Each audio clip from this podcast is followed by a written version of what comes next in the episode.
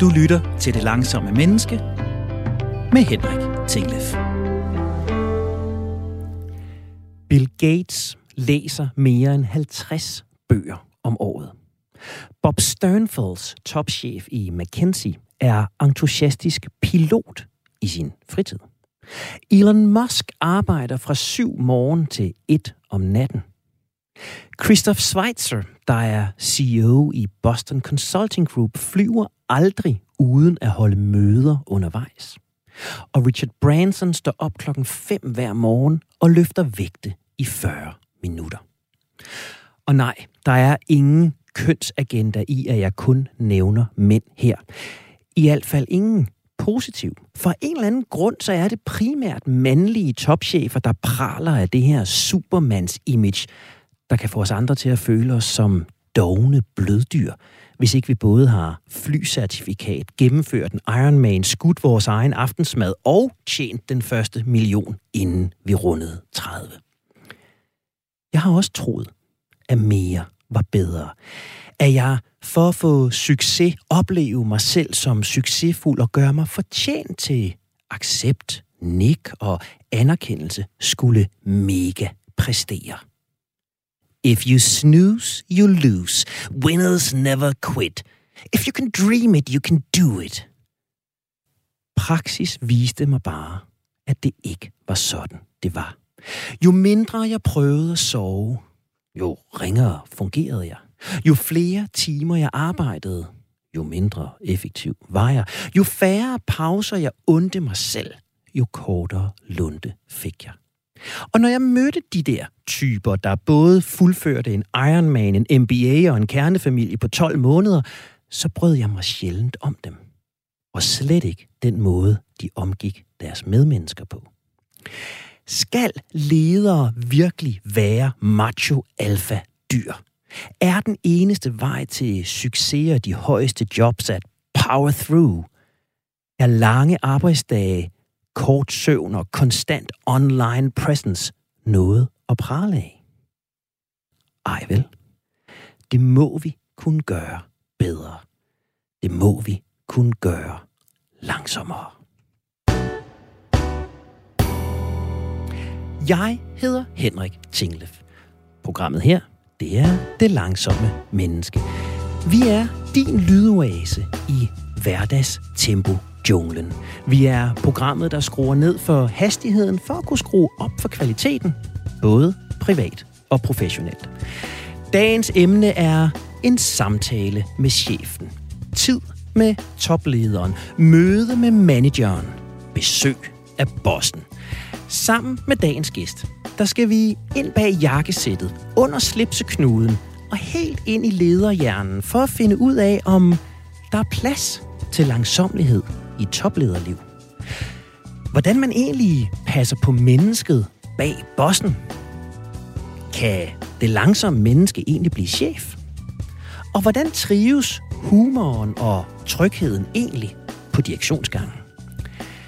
Til at hjælpe mig med svarene på de spørgsmål, og sikkert mange flere, der har jeg her i studiet besøg af Mads Skovlund. Velkommen til, Mads. Tak skal du have.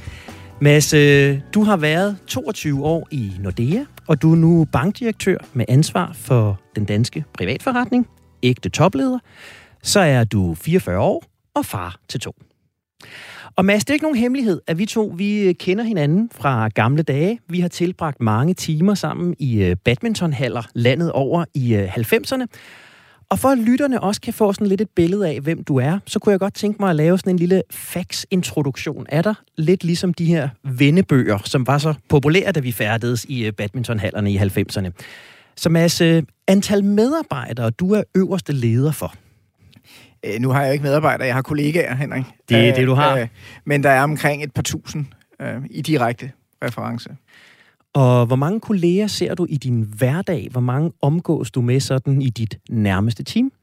Der er vi en, alt afhængig af hvordan man definerer det, så er vi en 20 stykker, vil jeg sige. Antal kunder, du er øverste ansvarlige for? Omkring 1,4 millioner. Gennemsnitlige antal arbejdstimer per uge? Det har jeg faktisk ikke styr på. Hvis jeg skal være helt ærlig. Men det er jo også et definitionsspørgsmål for, hvad er arbejde? Det vil jeg gerne lidt tilbage til. Det er jeg helt sikker på, at vi kommer tilbage til. Og så blev du også udfordret på det næste spørgsmål, som hedder antal fuldstændige fridage om året. Nul. Hvornår står du op om morgenen, Mads? Når jeg vågner. Og hvornår går du i seng? Det gør jeg faktisk ret tidligt. Der tror jeg, jeg er ret atypisk. Jeg er et gigantisk A-menneske, men har også et kæmpe søvnhjerte. Så, så den bliver sjældent mere end 22. Den bliver sjældent mere end 22. Så øverste chef for et par tusind medarbejdere, øverste ansvarlig for 1,4 millioner kunder. Og alligevel, Mads, så har du blandet dig i debatter om alt fra det menneskelige i at fejle, diversitet på direktionsgangen, medfølelse og nærvær. Og for nylig, der så jeg, at du skrev et opslag på LinkedIn til de top 100 talenter, der ikke var blevet udvalgt, og nævnte med et underforstået øh, smil, det skal nok gå alligevel. Jeg blev heller ikke valgt for 10 år siden. Så Mads, det her står jo i skærende kontrast til, til den intro, jeg, jeg, jeg laver. Så i toplederliv som dit, hvordan er der så tid til menneskelige aspekter og ja, langsomlighed? Først og fremmest vil jeg helst ikke være i skærende kontrast til andre, for jeg synes, man skal have lov til at gøre det, man synes, der er det rigtige. Og, og så gør man det. Øh, jeg gør det bare på min måde. Og jeg ved ikke, om det er, fordi jeg er rundet af en foreningskultur, badminton, jeg, men, men, men jeg har sådan nogle mantraer. Jeg, jeg, jeg er tryghedsnarkoman. Øh, jeg har et stort behov for at få at vide, at jeg gør det. Ikke nødvendigvis godt, sådan klappen på skulderen, men at jeg er ok. Så føler jeg mig tryg, og så kan jeg løbe hurtigt. Øh, jeg har et stort behov for at have det sjovt i det, jeg gør. Øh, det er også, at jeg har haft perioder i mit arbejdsliv, hvor det ikke var sjovt. Og fandt jeg ud af, at det skal jeg ikke. Og så har jeg ligesom over tid indrettet mig efter altid at søge trygheden, altid at søge humoren. Og så er jeg så af urensagelig årsag endt, hvor jeg er endt. Og der er jeg både tryg, og jeg har det sjovt, så det er jeg glad for. Og selvom du ikke vil omtale det som skærende kontraster, det giver jo, det, det kan jeg sagtens forstå, og, og foreningslivet giver god mening, så tænker jeg, at for, for mig og mange af vores lyttere, så er billedet af, hvad der skal til at nå til tops, noget helt andet end humor, tryghed, medmenneskelighed. Så, så hvordan er du nået dertil, hvor du er på den måde? Har du, har du været heldig? Har du været dygtig? Har du netop fundet vejen? Hvordan kan de her to ting kombineres? Først og fremmest er man jo altid heldig. Der er jo ikke noget, man, altså, man skal være på det rigtige sted på det rigtige tidspunkt. Men så skal man også gøre sig fortjent. Og det er altid en kombination af de to. Og jo mere man gør sig fortjent, jo mindre heldig har man behov for at være i virkeligheden. Øh, men, men, men, men det har altid været vigtigt for mig, og det er det stadig, at, at jeg er ansat og bevidst om, at jeg stadig er ansat for den, jeg er, og ikke for den andre vil, gerne vil have, jeg skal være. Så jeg bilder mig ind, måske sådan lidt storhedsvandvidsagtigt, at, at det at være mig bidrager med noget positivt til den virksomhed, når det er, jeg er i, og bidrager positivt til de mennesker, jeg arbejder sammen med. Og, og det har jeg det sjovt ved, og derfor har jeg altid gjort det på den måde. Men så er det klart, der er jo også, altså uden at tale sådan rosenrødt billede af det hele, der er jo også perioder, hvor arbejdspresset bliver enormt, og hvor resultaterne er imod en, og hvor jeg bare synes, det er noget møg det hele, og hvor utrygheden er høj. Øh, Øh, så de, er, de steder er der selvfølgelig også, og der kan jeg jo også uhensigtsmæssige øh, opførsler fra tid til anden. Men, men der, hvor trygheden så kommer tilbage, det er, at mit team skal også være trygt. Så de kan fortælle mig, når jeg gør noget åndssvagt. Og, og, og tak for jer jo, det er rigtig gode til. øh, men, men det er jo super vigtigt for at have nogen til at og, og ligesom være, agere bander øh, i, i den verden, øh, jeg bevæger mig i. Og der, det kræver tryghed i ens team. Og det lyder også som om, du hele tiden her du taler hele tiden ind i at se dig som en del af en større kontekst. Ikke som manden på toppen af pyramiden, men som en, der er en del af, af et, et større system. Der er bander, der er teamet, der giver tryghed, der er dem, du skal passe på, der er dem, der passer på dig. Er det vejen til at trives, at man netop ikke placerer sig selv der øh, på toppen? Jeg tænker lige, det, det er jo et godt spørgsmål, for jeg har aldrig, altså jeg har altid haft sådan en aversion mod organisationsdiagrammer. Øh, jeg synes det, øh, jeg kan huske, at jeg havde en underviser, han hed Jørgen, på Handelshøjskolen, der kaldte det kasser og vandrør. Øh, og, det, og det er fuldstændig rigtigt for mig, efter han sagde kasser og vandrør, så hver gang jeg ser sådan et diagram, diagram så tænker jeg bare, det er jo kasser og vandrør. Mere er det ikke. Øh, så, så jeg ser ikke et hierarki. Jeg ser en gruppering af mennesker, man sætter sammen til at løse givende formål. Og nogle gange er det behov for, at der er et af de mennesker i den gruppering, der kan, der kan skære igennem og sige, nu gør vi sådan, eller nu gør vi sådan. Men det er jo en opgave, man har. Og som man i øvrigt, synes jeg, øh, hvis man er dygtig som leder, så, så selvom man har lederkasketten, så er det også et tilvalg for de andre i gruppen. De giver dig, fordi de er tryg ved, at du kan tage, hvis det bliver lidt svært, den rigtige retning. Ja. Så nej, så det er aldrig et hierarki for mig. Det er, det er grupperinger, man sætter sammen.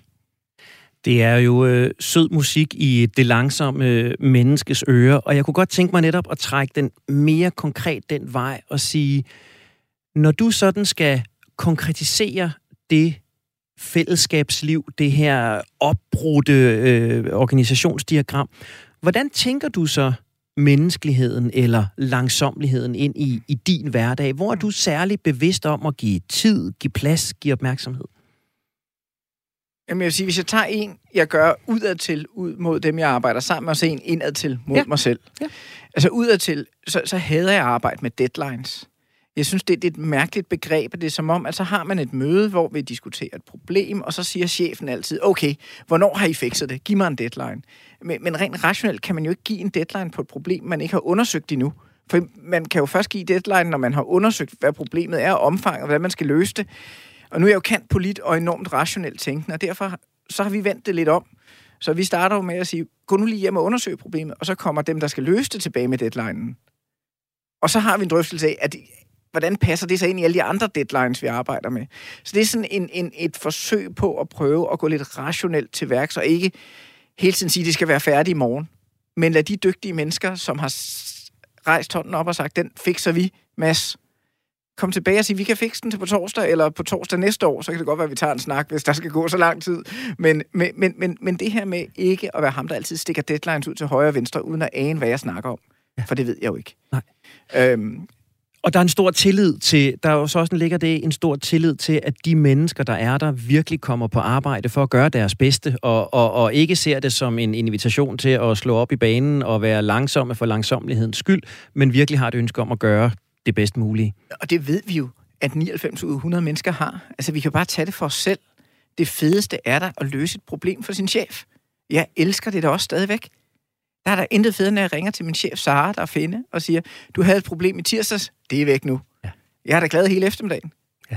Og, og, og det, det, det er da den glæde, vi, vi skal arbejde med, og det er jo vores ven, det er jo vores gratis medvind. Øh, og det er den medvind, vi skal sørge for, at vi ikke ødelægger ved at komme alle mulige åndssvage uh, deadlines og, og macho-udmeldinger uh, om, at det skal være færdigt til der, og failure is not an option, og hvad man ellers. Det er jo et meget fedt uh, udsagn ellers, synes jeg, men, men, men, men sådan i ledelsesmæssig sammenhæng, synes jeg ikke, det er så fedt. Men når man skal have en mand på månen, så, så er det meget fedt. Så er det meget sjovt. Ja, så er det meget ja, sjovt. Ja, ja, ja.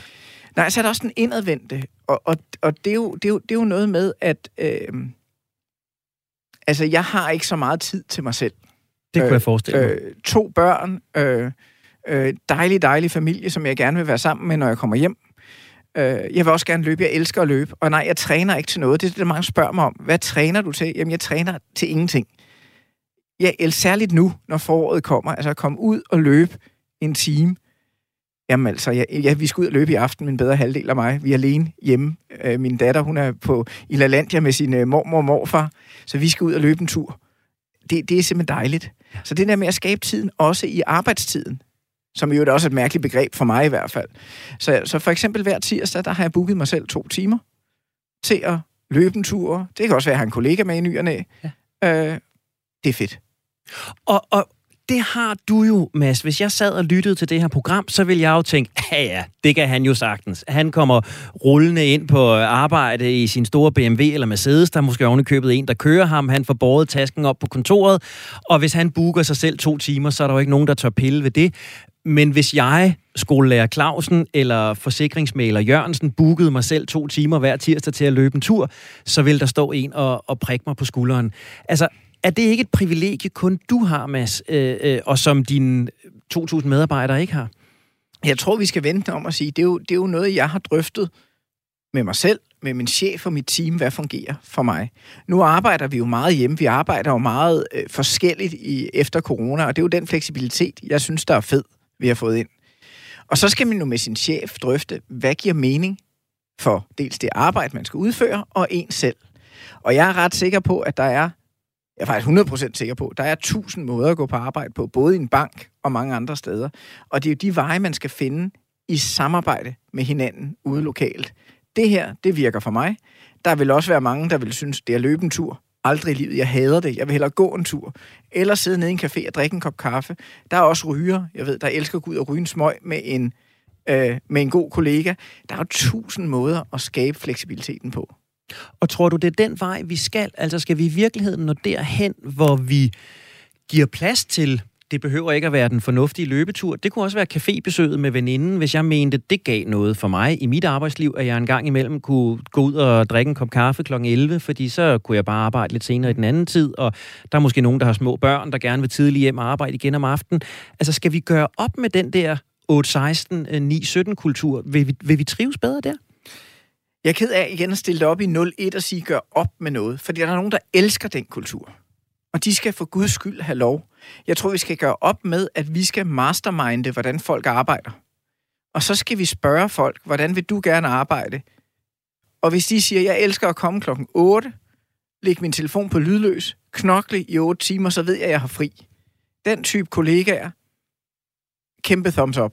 Så har vi dem, der arbejder lidt mere non-linært, eller hvad vi skal sige, hvor jamen, de starter måske med at tjekke mails klokken 7, og de slutter klokken øh, 23, men de har lavet alt muligt indimellem.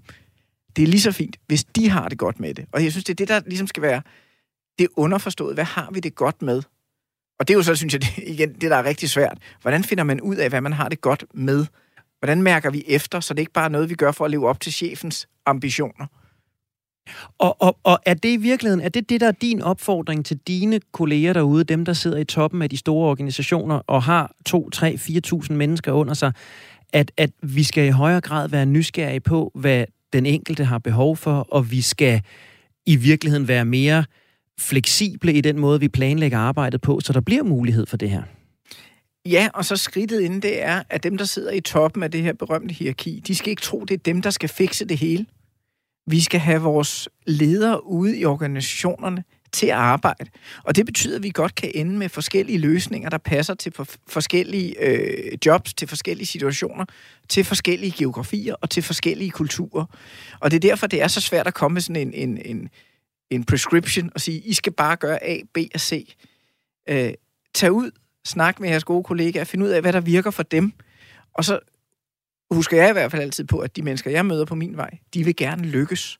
Og de er stolte af at lykkes. Så det, de gør, og den måde, de indretter sig på, det gør de, fordi de tror, det er den måde, de lykkes på. Ja. Og så er det klart, så nogle gange, så indretter vi os på nogle uhensigtsmæssige måder. Og så skal man måske lige give et kald og sige, at det her nu helt smart? Har vi tænkt det her godt nok igennem? Hvis trygheden er høj i organisationen, så vil min gode kollega sige, det har jeg sgu nok ikke, Mads, det er en god pointe. Vi skal nok gøre det lidt anderledes. Og så er der ikke nogen skade sket. Nej. Og på den måde adresserer du jo i virkeligheden både det, som vi i foregående programmer har hørt fra Troels Bæk og, og Christian Ørsted, tilliden til, at folk gerne vil levere det bedste, og når trygheden er der til at, at tale om uhensigtsmæssigheder, så kan vi bruge det til at, at lære af, det kan sammenbringe os videre.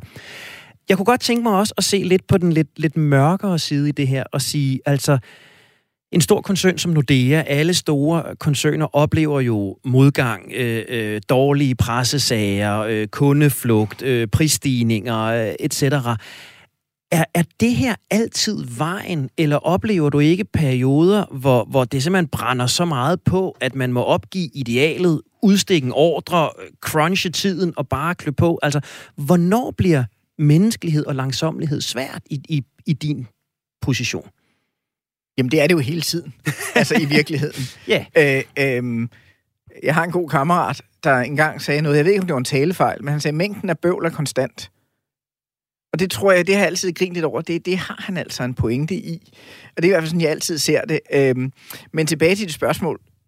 Igen, altså tryghed er sådan for mig universalt. Man skal skabe tryghed, både når det går godt og når det går skidt. Så er der forskellige værktøjer, jeg bruger hvis det går rigtig dårligt, så ved jeg, at så er det vigtigt, at jeg stiller mig længere frem. Mm. Øh, det kan være at tage mediesagerne, hvis de er dårlige. Det kan være øh, at i talsæt, nu går det dårligt, men vi har styr på det. Så, så der er jeg nok både ubevidst, men også ofte bevidst, lidt længere fremme i ledelsesbussen, hvis man kan sige det på den måde. Øhm, for at skabe trygheden, for at skabe retningen, for at sige ro på. Øhm, vi ved, hvad vi laver. Vi ved, vi kan finde ud af at drive bank. Men det går ikke lige vores vej lige nu. Og så er der andre perioder, som, som den vi er inde i nu, hvor vi har øh, øh, øh god gang i, i sejlen i forretning, men hvor der er en frygtelig krise i Ukraine, øh, med krig og invasion og... Øh, og de mennesker, der lider der. Og der er det ikke noget andet, der skal til. Det er, hvordan hjælper vi som bank? Hvad er vores mål i at hjælpe så godt vi kan øh, de arme mennesker i Ukraine mod den, den krig, der, der foregår der? Øh, så, så det er meget forskelligt, hvad, synes jeg, men, men den sammenhængende ting i det, det er tryghed. Det er tryghed. Og, og, og jeg, jeg, jeg er jo nogle gange meget, meget lavpraktisk tænkende, og jeg tænker, der må også være perioder, som for eksempel nu, hvor verden vælter omkring os, hvor din arbejdstid, du siger det jo også selv indledningsvis, altså, jeg vågner, når jeg står op, når jeg vågner, jeg prøver at gå, gå tidligt i seng, øh, arbejde og privatliv øh, flyder lidt sammen. Der må være perioder, hvor, hvor der er så stor efterspørgsel efter dig, at du nærmest er på fra det øjeblik, du vågner, til det øjeblik, du går i seng. Hvordan navigerer du i det? Altså, er det bare power through i en periode, eller hvordan pokker navigerer man, når efterspørgselen er så stor? Selvfølgelig er der det, og jeg vil sige, at der er jo også perioder, der er så intense, så jeg strømmer mit arbejde. Og det er jo det, jeg sagde, hvad er arbejdstid reelt? Ikke? Det, det, det bliver noget mærkeligt noget. Og der er perioder, hvor jeg er enormt udmattet og enormt træt, og hvor jeg godt kan mærke, at den her måde kan jeg ikke arbejde på i lang tid. Øhm, jeg tror i virkeligheden, det vigtigste der, det er, at jeg godt ved, at sådan kan jeg ikke arbejde i lang tid. Øhm, og så vide, at på et tidspunkt, så skal der simpelthen være en stopknap, hvor jeg siger, nu, nu, nu er jeg nødt til at tage et par fridage. Og jeg ved jo godt, med en fridag, så er det jo ikke 100% fri, men det er stadig et helt andet tempo. Jeg har nogle regler på min fridag om, at, øh, at jeg ikke selv i gang sætter arbejde. Øh, det er klart, hvis nogen der ringer og siger, at det er vigtigt, så tager jeg den. Jeg er altid tilgængelig. Det synes jeg ligesom jobbet indebærer, at jeg skal være. Øh, det synes min chef i øvrigt også, det er jeg enig i. Så det, øh, men, men der er mange ting, jeg kan gøre for at sætte mit tempo ned, når jeg er fri. Og derfor har jeg i løbet af et år, har jeg fridage, hvor jeg ikke skal noget. Hvor jeg bare har fri. Og hvor... Øh, øh, altså, jeg henter altid i hvert fald en gang om ugen, men så kan jeg i hvert fald hente der, når, øh, når jeg har fri. Og, øh, jeg også afleverer lidt sent, og de dage, hvor jeg har rigtig fri, altså hvor der virkelig ikke er nogen møder i kalenderen, så er jo øh, den lille, i hvert fald hjemme den store på efterskole, så ham, øh, ham håber jeg bare vil ringe en gang imellem. Ikke? Det er sådan set det, jeg kan Hermed håbe for opfordring givet videre. Ja, jeg, ved sådan, jeg tvivler på, at han hører det her, øh, den her podcast, men man, man ved jo aldrig. Jeg tænker, Mads, bare sådan, inden vi øh, øh, skal give plads til, til noget nyhedsværk. Nu, nu taler du jo rigtig meget ind i de her menneskelige aspekter, i trygheden, du gør opgør, eller, eller distancerer dig i hvert fald fra, fra macholederen. Men jeg tænker, hvis vi skal sælge budskabet om langsommelighed, nærvær, medmenneskelighed til de andre derude i toppen af de der imaginære øh, øh, organisationsdiagrammer. Hvad er for dig at se det vigtigste argument for højere grad af balance, højere grad af langsommelighed, højere grad af medmenneskelighed? Samtidig med, at vi skal drive business. Jeg tror i virkeligheden, det er det sidste, du siger, der er det vigtigste. Det er frustrationen over, hvis man er langsom, så driver man ikke sin business. Mange sætter øh, empati, øh, tryghed, den slags ting sammen med blød ledelse, som igen leder over til, Nå, så må vi ikke have kopier, så må vi ikke drive en stram forretning. Hvor det gør jeg jo ingenlunde. Altså, jeg er ansat i en bank. Vi måler på alt. Ja. Altså, øh, vi driver en butik, fordi vi skal tjene penge til vores aktionærer, vi skal have glade kunder. Det er derfor, vi er der for at støtte samfundet. Så, så, så jeg tror virkelig, det at gøre op med det der med, det at være blød, det at være rund, det at være lidt mere laid back er et forkert ord, men lidt mere rolig, at det driver en dårlig performance. Det oplever jeg slet ikke. Jeg, jeg oplever det modsatte. Så, så, så grunden til, at det her det virker for mig, det er jo også fordi, det virker for resultaterne. Uh, og det tror jeg sådan lidt et, et paradoks, eller et skisme for mange, det er, at resultater kommer, når man råber. Ikke? Og for mig så kommer resultater, når man holder mund, og lader andre sådan ligesom fikse ting, og have tilliden til, og trygheden i, at de selv kan fikse det, og de også ved, at de skal fikse det selv. De har ansvaret. Så vi kan jo ikke bede om meget bedre opsummering her på det langsomme menneske, end, end det, der hedder, når vi giver plads til mennesket, når vi er en lille smule roligere, når ikke vi råber, når ikke vi presser de sidste ressourcer ud af mennesket, så er det i virkeligheden der, vi laver den bedste forretning.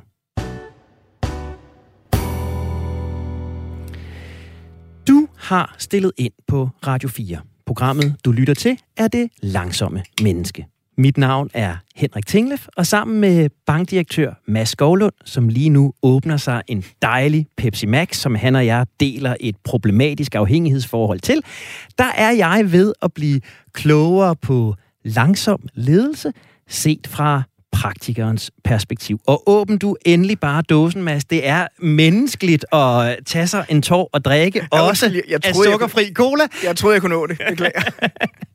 det gør ikke spor. Vi er både langsomme og, og menneskelige. Og jeg kan jo bruge tiden, mens du øh, læsker ganen, Mads, til at rammesætte, at vi har jo haft besøg af flere ledelseseksperter her i øh, programmet, ledelsesteoretikere og ledelsesrådgivere. Og jeg kunne godt tænke mig at præsentere dig og genpræsentere lytterne for nogle af de udsagn og idéer og tanker, som de delte med os, og så høre dit praktikersyn på det, set ude fra øh, den virkelige verden. Og vi har sådan danset lidt om øh, den varme grød i forhold til arbejdsliv og privatliv, og vi har været, været inde på det. Men jeg kunne godt tænke mig at spille et kort klip med Pia Hauge, som øh, i efteråret introducerede os for et begreb, der ikke var det grænseløse arbejdsliv, men tværtimod det grænseløse privatliv. Det grænseløse privatliv, det øh, er jo noget, man ikke taler så meget om. Vi taler om det grænseløse arbejde, der sniger sig ind i privatlivet. Men sandheden er jo, og det er ikke noget, som folk er så vilde med, at jeg siger, men sandheden er jo, at privatlivet også har snedet sig ind på arbejdspladsen, ind i arbejdstiden. Og det er ikke sådan noget, jeg hiver frem for at være sådan sur øh, arbejdsgiver. Det er faktisk fordi, det også øh, fratager moderne mennesker glæden ved at arbejde, fratager os muligheden for at komme i flow i arbejdstiden. Fordi hvis der er noget, der er svært at abstrahere fra, så er det noget, der øh, trigger os øh, personligt. Og det er, øh, jeg var lige ude og holde foredrag i går med en masse mennesker i en kommune, og de kunne genkende det. De sagde, det er jo sådan klokken, fra klokken halv to cirka, så lyder det pling, pling, pling, pling, pling fra alle øh, øh, øh, telefonerne, fordi så er børnene kommet hjem fra øh, skole, og så er der øh, spørgsmål. Så Mads, Pias pointe er jo her, at det ikke bare er arbejdslivet, der sniger sig ind i privatlivet og gør det svært at holde fri. Det er også privatlivet, der sniger sig ind på arbejdspladsen og gør det svært for os at, at fokusere. Tænker du, det er en udfordring, eller tænker du, at det er en præmis? Hvordan jonglerer vi det her arbejde og privatliv under grænseløse rammer? Jamen først så tror jeg, jeg tænker begreberne lidt anderledes, fordi det er som om, vi altid sætter privatliv og arbejdsliv som, som modstand til hinanden. Og jeg tror, så længe vi, vi bevidst skaber ting, der er i opposition til hinanden, så skaber vi nogle gnidninger, som vi ikke nødvendigvis behøver at have. Øhm, jeg har altid bare set mit liv som mit liv. Og så kan man sætte alle, alle mulige navneord foran, og det komplicerer det bare unødigt for mig. Øh, altså, jeg ville jo ønske, at min søn ringede til mig, når, altså en gang imellem i virkeligheden. Han er 16, der går nok et par år, før han ringer igen, og hvis han ringer, så er det fordi, han skal have penge til frokost.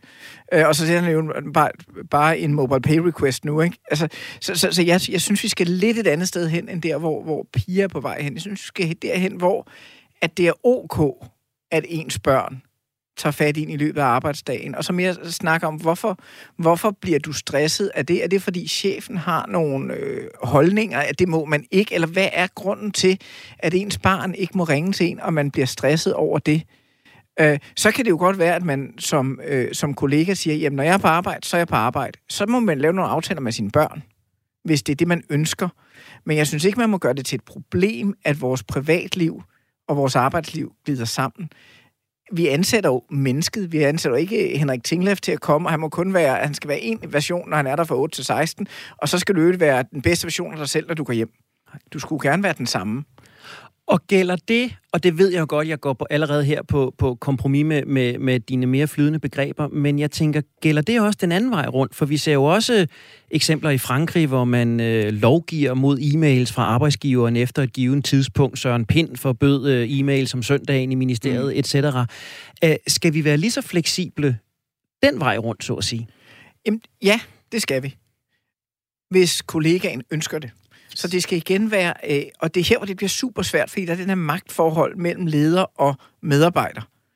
Så hvornår, øh, hvornår siger man som kollega, det lederen gerne vil have, man siger, hvornår siger man det, man rent faktisk mener. Så derfor det, det, det er super svært, det her, men sådan i min perfekte verden, så styrer man det selv mellem sin chef og sig selv. Hvad er de regler, vi spiller efter? Ligesom man gør på alle gode hold, hvor der er høj grad af samhørighed, så finder man de regler, der skal til. Der er vi ikke nu. Det er jeg med på, så derfor er der nok nogle regler, der er brug for. Men jeg synes, vi er et samfund med alt for mange regler generelt, og for lidt dialog. Ja. Og jeg tænker, det her, det taler jo også ind i de tryghedsparametre, ikke? Altså, det, det stiller jo enormt store krav til, til psykologisk tryghed, som Christian Ørsted talte om. Hvis jeg skal tage den snak med min chef og sige, jeg har brug for, at mine børn kan, kan kontakte mig, mens jeg er på arbejde, men jeg har faktisk også brug for nogle rammer i forhold til, hvor sent eller hvor tidligt jeg kan blive kontaktet. Der, der er godt nok et skisma der, ja. hvor, hvor jeg kan blive udstillet som en dårlig medarbejder. Ja, jeg vil også godt lide, altså, jeg siger jo ikke, det er nemt det her overhovedet, men, men, men, men jeg har en oplevelse af, at vi altid prøver at løse problemer i den her verden ved at opsætte flere regler. Og jeg synes jo ligesom, det der dialogbegreb, det har fungeret godt for os i, en, i hvert fald en 3-4.000 år. Og det glemmer vi nogle gange bare at turde sige, hvad med lige at snakke sammen og se, om vi kan finde en løsning? Vi skal altid ind i PowerPoint og tegne nogle kasser og gøre et eller andet, og så skal vi lave nogle, et framework og alle de der fine ord, ikke? og en taskforce. Og, altså, det kunne være befriende nogle gange, man siger, lad os lige sætte os sammen og se, om vi kan snakke, snakke den hjem på en eller anden måde.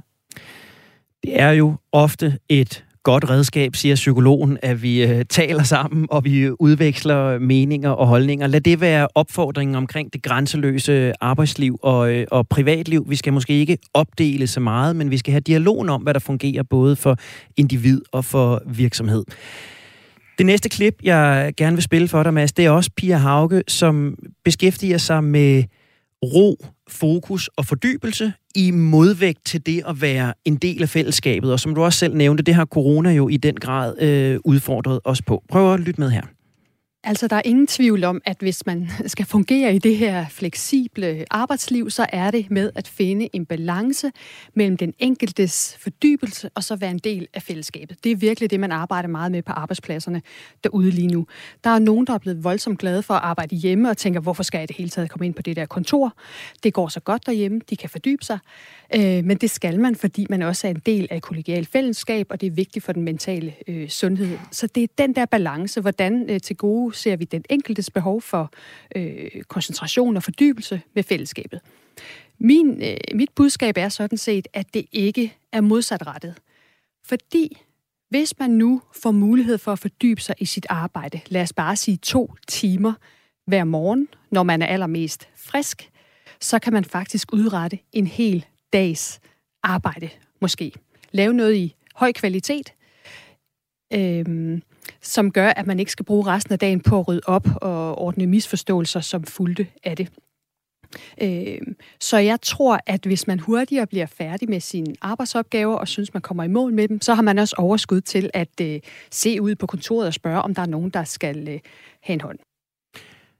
Hvordan tænker du plads til fordybelse plads til fokus for dine medarbejdere, dine 2.000 medarbejdere, dine 2.000 kolleger ind i, øh, i jeres hverdag? Jamen først og fremmest, øh, så synes jeg, at corona har jo øh, mestendels været noget møg. Men, men, men vi har fået noget interessant data og nogle dialogpunkter omkring, hvor forskellige vi egentlig er, når vi går på arbejde.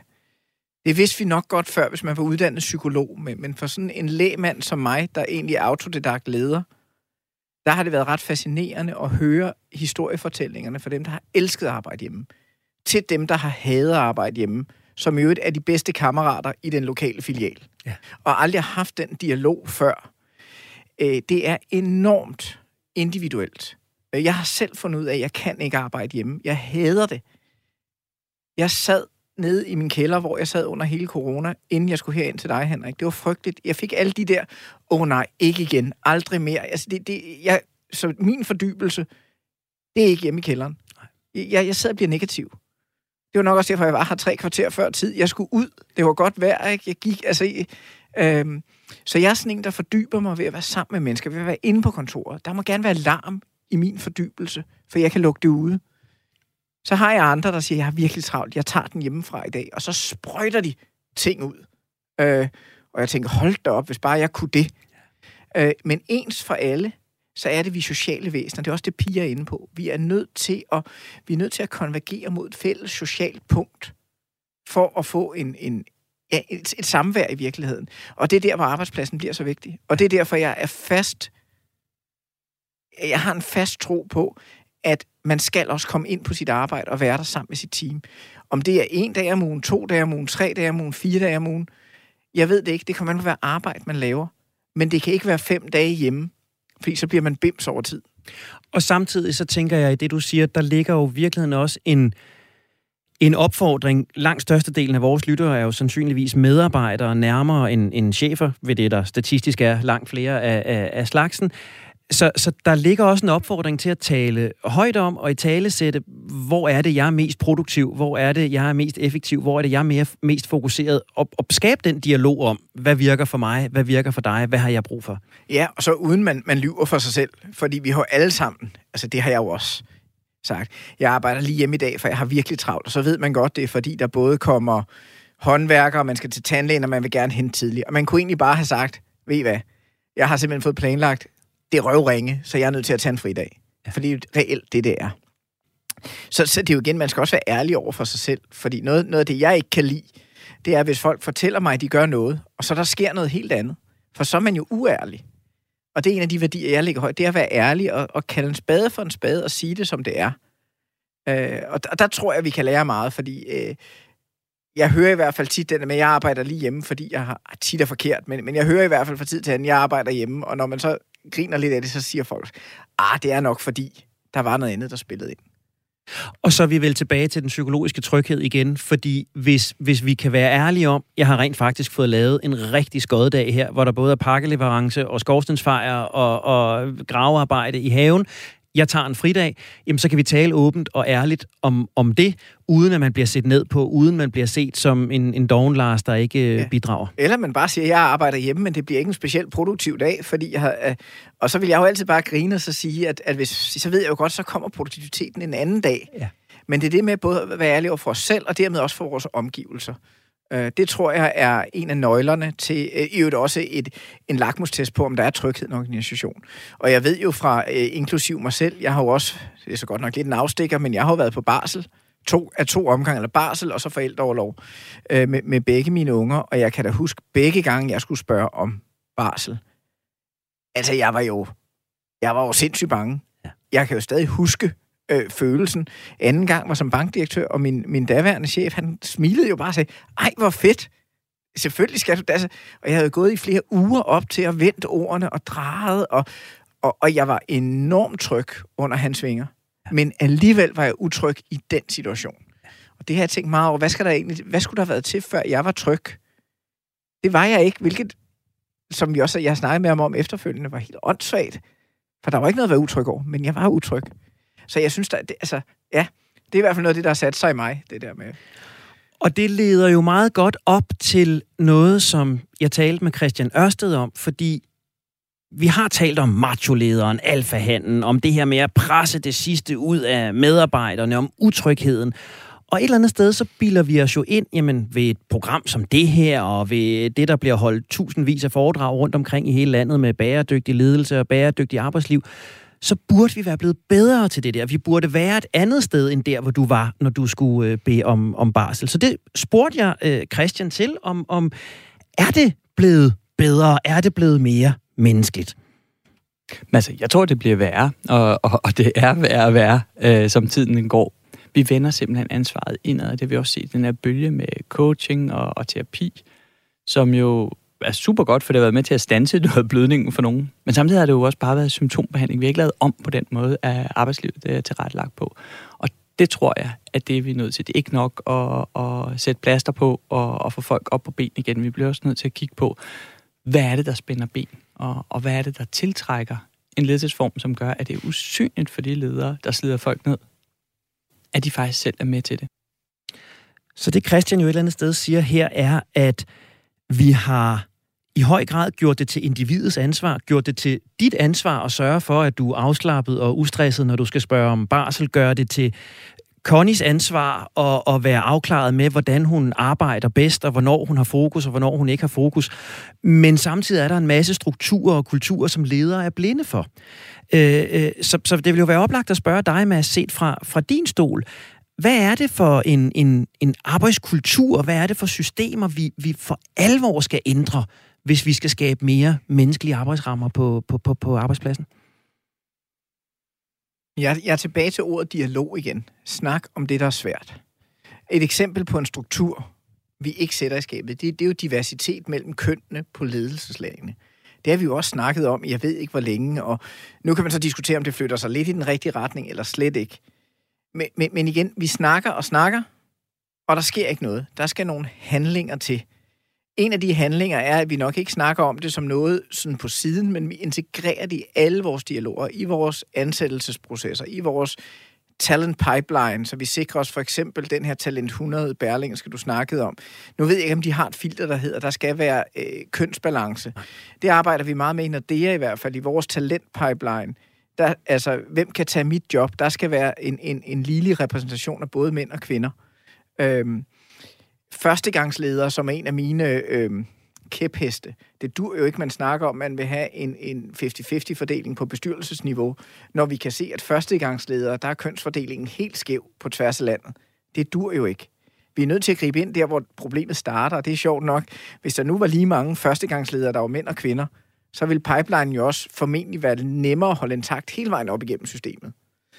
Øh, så der er noget med de strukturer, vi skal, vi skal have en dialog om. Øh, og så tilbage til, altså Christian, det bliver helt sikkert være. Ja, altså, øh, det håber jeg ikke, det gør. Og, og, og jeg håber, at det ved, han siger det så provokatorisk, som er ret fedt, gør, at vi er nogen, der må stoppe op og sige, nej, fandme nej. Mm. Den skal han ikke have ret i, så han kan skrive en fantastisk bog nummer to omkring, kring det. Men at sige, det, det, det skal vi kunne gøre bedre, og vi skal kunne gøre det bedre ved at have en dialog med de folk, der har det svært, inden de får det rigtig svært, og det bliver til sygdom. Ja. Og, og, og, og du har nævnt dialogen øh, flere gange. Det har i virkeligheden været, været, altså hvis vi lige nu skulle koge marketerningen af programmet indtil nu, så er det jo dialog, samtale, for, samtale forståelse øh, for, for hinanden. Og, øh, og, og, og Christians rolle bliver så i dag at, at strø lidt øh, malurt i bæret, fordi øh, vi talte lidt om det her med, hvad der, hvad der skaber grundlaget for den gode dialog. Og, og Christian havde nogle betragtninger omkring det også, som, som du lige skal høre her. En tilbagevendende frustration hos mange medarbejdere, det er, at de føler ikke, at deres chef helt forstår, hvad det er, de laver. Det betyder også, at når man så får ros, så er det svært at tage den alvorligt. Det betyder også, når man får kritisk feedback, så er det svært at tage den alvorligt. Så der er et eller andet med at have en fælles forståelse for, hvad er det egentlig, vi gør her. Og så ser vi jo også nogen, som, som netop er virkelig gode til at hurtigt at komme til sagen, fordi de gør nogle ting, som gør vi for øh, tryghed ved dem. Det kan for eksempel være, at i stedet for at holde traditionelle møder, hvor man bliver indkaldt, og så sidder man inde på et lille kontor, så smøger de ærmerne op og, og går ud øh, i butikken og er med til at pakke kasser op og stable varer op på hylden, så får man nogle andre ting at vide. Og det er jo sådan klassisk. Hvad tager egentlig længst tid? Ja. og indkalde folk til et møde, som kommer til at vare en time, fordi at nu sidder vi og har afsat tid til møde, eller tage ud på besøg i hverdagen og give en hånd med. Ja. Så, så der er nogle ting, som vi ser hos dem, der er rigtig gode til det, som også handler om at komme rigtig tæt på, øh, på hverdagen. Og dem, der er dårlige til det, der er der sådan en myte om, at vi har slet ikke tid til det. Vi har, vi har overhovedet ikke tid til det. Ja. Og at det passer simpelthen ikke. Vi skal jo heller ikke ud og, og tale med alle hele tiden. En stor del af det her, det er at kunne vurdere, hvor er det, der er brug for at bruge mere opmærksomhed og, og interesse. Så Mads, det oplagte spørgsmål, det vil jo være, hvornår har du sidst været i filialen i Ringkøbing og hjulpet med møntoptælleren? Øh, for det første så, øh, nu kan jeg ikke huske, om vi har en møntoptæller i Ringkøbing. Øh, jeg står lige og tænker, fordi de flyttede for et par år tilbage ned i nogle nye lokaler. Øh, det, det er detaljen og det rationelle, der ligger op i mig der. Ikke? Øh, til gengæld så er der en fantastisk fiskeforretning dernede, hvor vi spiser frokost, kan jeg huske. Det er et stykke tid siden, jeg har været oppe på teamet i Ringkøbing, øh, skal jeg være ærlig at sige. Vi har mere været digitalt rundt her på grund af, af corona. Men jeg synes jo igen, Christian, altså, han er jo en super kvik fyr. Og han, han rammer noget helt rigtigt her. Det er det der med, at, øh, at når vi alle sammen kommer hjem fra et ledelseskursus, og vi har fundet ud af, at vi roser for lidt, så kommer vi ud og roser for et land, hvor folk bare tænker, hold nu kæft. Ikke? Altså lad nu være, fordi altså, det, det, det var det, jeg lærte som førsteårselev. Det skal jeg ikke have ros for. Det er bare noget, jeg skal gøre.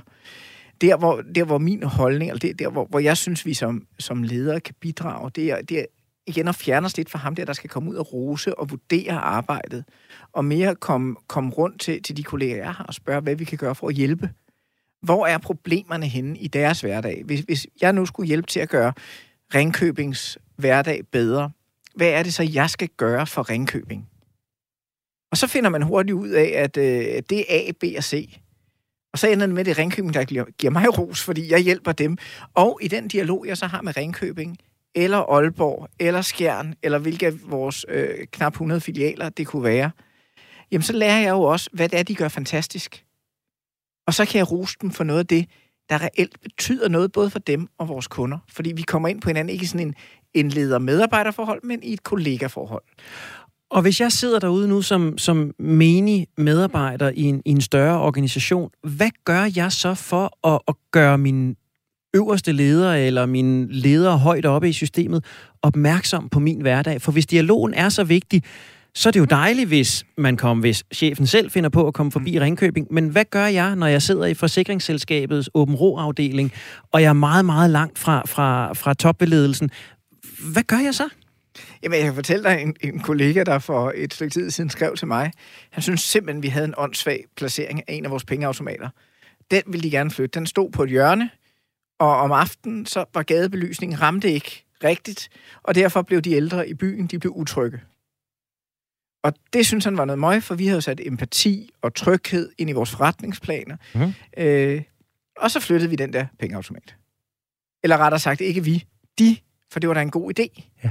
Så det her med at skrive gode idéer, det med at interagere med sin ledelse, der er jo ikke noget, jeg synes, der er federe, end at få mails med gode idéer, når vi er rundt. Øh, jeg har jo en, øh, en wingman, Ulrik, og jeg, som, som driver området i, øh, i fællesskab. Og, og når vi er rundt og får idéer, altså det er jo 99 procent af idéerne er jo ikke noget, vi selv har fundet på. Det er bare noget, folk tror. Ikke? Men, men, men vi husker jo altid dem, der giver os ideen. Men jeg har jo sådan en helt lommefilosofisk tilgang. Hvis jeg hører det samme problem tre gange fra tre uafhængige kilder, så skal jeg fikse det. Ja. Og det er sjovt, når jeg er rundt og besøger filialerne, at øh, ja, så spørger man, hvordan går det? Og de nævner altid noget, der går super godt, og så øh, noget, der går skidt. Og hvis det samme, som sagt, bliver sagt tre gange, ikke i samme filial, så kan man jo rotte sig sammen. Håber ikke, der er tre uafhængige filialer, der lytter med på den her. Så er, så er der mit, planen klar. Ja, så er planen klar. Men, men også lave de der små lifehacks for en selv. Ja. Og, og igen er der jo så opfordring til det her, at det er ikke forandringerne øh, er ikke nødvendigvis alene en ledelsesopgave. Det er også en opgave for medarbejderne at gøre opmærksom på, hvor behovet er. Ja, og så meget vigtigt for, for mig at fortælle, når vi så vælger ikke at gøre noget ved nogle af problemerne. Hvorfor er det så, vi har prioriteret anderledes? For ellers bliver det jo en gene og en irritation. Så vi har jo mange ting i Nordea, vi vælger ikke at gøre noget ved, fordi der er andet, der er vigtigere. Men der prøver jeg, og jeg ved godt, at jeg ikke lykkes, så beklager team dem, der måtte lytte med, men jeg prøver at fortælle, hvorfor vi gør det, vi gør, men også hvorfor vi ikke gør det. Altså, vi nok burde gøre, men hvor vi ikke har ressourcerne til det. Ja. Jeg kunne godt tænke mig helt afslutningsvis, Mads, at kigge en, øh, en lille smule øh, fremad på, på den tid, der kommer, og lige kort spille en lille snas fra Trulsbæk.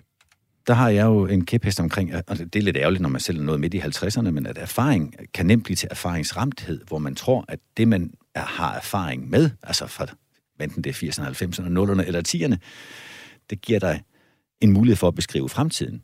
Og det vil være muligt, hvis man med garanti har en fremtid, der matcher fortiden. Det er der ikke ret meget, der tyder på, at vi får. Så det at være erfaren med at lære nyt, er langt vigtigere end erfaren med, hvordan man tidligere kunne lykkes med det. Og der tror jeg, at vi ældre har meget at lære af de yngre. Så helt kort afslutningsvis, Mads, hvis vi skal skue fremad, hvad er det vigtigste, den moderne leder lærer af nutidens unge? Ja, jeg vil lige starte andet sted. Jeg synes, Troels undervurderer sin egen erfaring. Jeg er lidt uenig med, altså, en mand, der har været igennem så meget. Altså, jeg elsker erfaring. Jeg lærer, altså, jeg har, der er jo nogle KF'er i dansk bankverden, som jeg ynder at spise en frokost med eller ringe til. Og de kan fortælle historier fra 70'erne, nogen sågar fra 60'erne. Der er masser af læring i historien. Når man bare husker, som Troels også påpeger, det er jeg meget enig i, at historien er ikke et proxy for fremtiden. Men derfor, altså, jeg er en sokker for citater fra, fra store tænkere. Der er meget af det, der kan bruges i dag, så vi må aldrig nogensinde negligere den historie, vi kommer fra, at tage læringen ud. Men som han meget rigtigt siger, der er ikke lighedstegn mellem historien og fremtiden. Det er også det, man skal passe på med de unge, der kommer øh, med alt muligt, der er af gode årsager måske lidt historieløse. Der alle idéer er ikke gode. 99 ud af 100 idéer, jeg kommer med, er dårlige. Øh, så jeg tror, det vi skal lære de unge af, af de nye generationer kommer op, det var det samme, som vi selv kom med. Det er poweren, det er lysten til at forandre, det er lysten til at lære, det er lysten, det, det er lysten til at være nysgerrig. Lysten til at være nysgerrig. Poweren i hverdagen, men alt sammen i trygge rammer. Mads Skovlund, bankdirektør i Nordea med ansvar for hele privatforretningen, far til to og familiemenneske. Tusind tak, fordi du vil øh, give både lytterne og jeg et indblik i et moderne toplederliv. Selv tak. Og det bliver ordene herfra i dag. Der er ikke flere, hverken langsomme eller hurtige. Husk, at du altid kan hente det langsomme menneske på podcast, der hvor du henter dine podcasts, eller i Radio 4-appen. Tusind tak, fordi du endnu en gang har investeret både din tid og din opmærksomhed i os. Jeg hedder Henrik Tinglef, og jeg er selvudnævnt topleder for alle os, der ønsker at blive det langsomme menneske.